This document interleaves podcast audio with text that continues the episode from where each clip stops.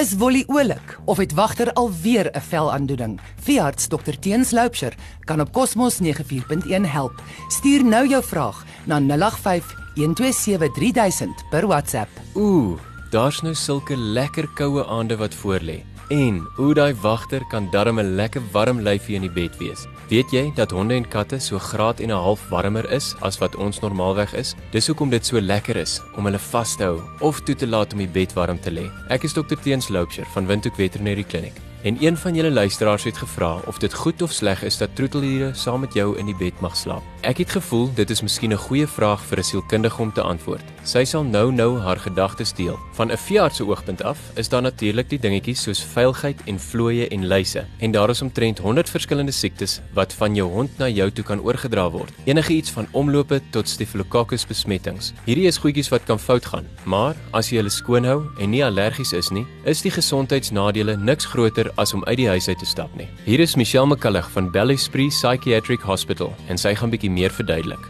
Hi, all, and thanks, Dr. Theuns Loubser, for inviting me to give my opinion on the impact of having pets sleeping in the same bed as their owners. We just heard the impact that this may have on the dogs, so I'm going to be talking a little bit more on the impact psychologically that it can have on us humans. So, various studies from around the world report that approximately half of pet owners let their pets sleep in their beds with them during the night. Although I also sometimes do allow my dogs to sleep with me at night, unfortunately, most of the research has indicated that this is unhealthy to us as humans to have our pets sleeping with us in the same bed. But before I go into the negative, there are a few benefits of having our pets snuggle with us at night. As we know, nighttime can be a very lonely, scary, and sad time for some of us as this is the time our minds can begin to overthink. Thus, having our pets sleep with us provides us with that source of unconditional support, love, comfort, security, and a sense of stability. Basically, sleeping with our pets helps us to feel less lonely. But unfortunately, according to most studies, despite the benefits experienced by the pet owner, there are more consequences of having pets in the bedroom.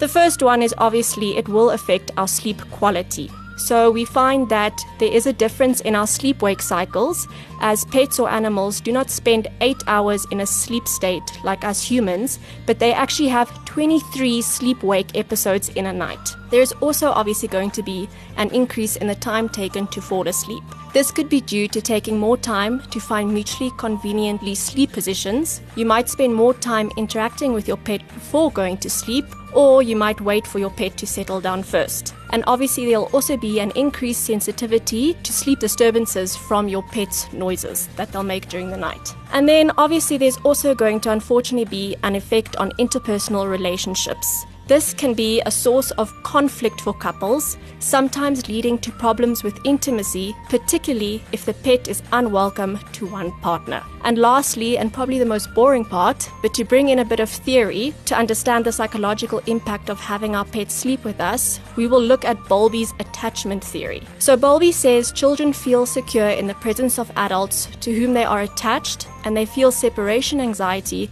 at the perceived short or long term loss of these attachment figures. The theory has been extended to discuss human relations with animals. Whilst many people who feel attached to their pets have no need or desire to share their beds with them, attachment theory suggests that some humans are motivated to sleep with their pets in the bed to feel secure and avoid that feeling of separation anxiety. And this can unfortunately be seen as an unhealthy attachment, as we might become too overly dependent on our pets to avoid that feeling of separation anxiety. And in conclusion, although there are consequences for us as humans allowing pets in the bed, if you are getting enough good quality sleep, it's not causing conflict or intimacy issues between you and your partner, and you don't feel over dependent and attached to sleeping with your pet, I don't think it should be seen as too much of a problem. So daar het julle dit. 'n Bietjie iets om oor te dink. Nou kan julle self besluit want nou is julle ingelig. As julle enige meer vrae het, kom maak 'n draai by ons by Windhoek Veterinary Clinic by nommer 8 Lassenstraat, langs die Amerikaanse ambassade of bel ons gerus by 228405. Tot volgende week.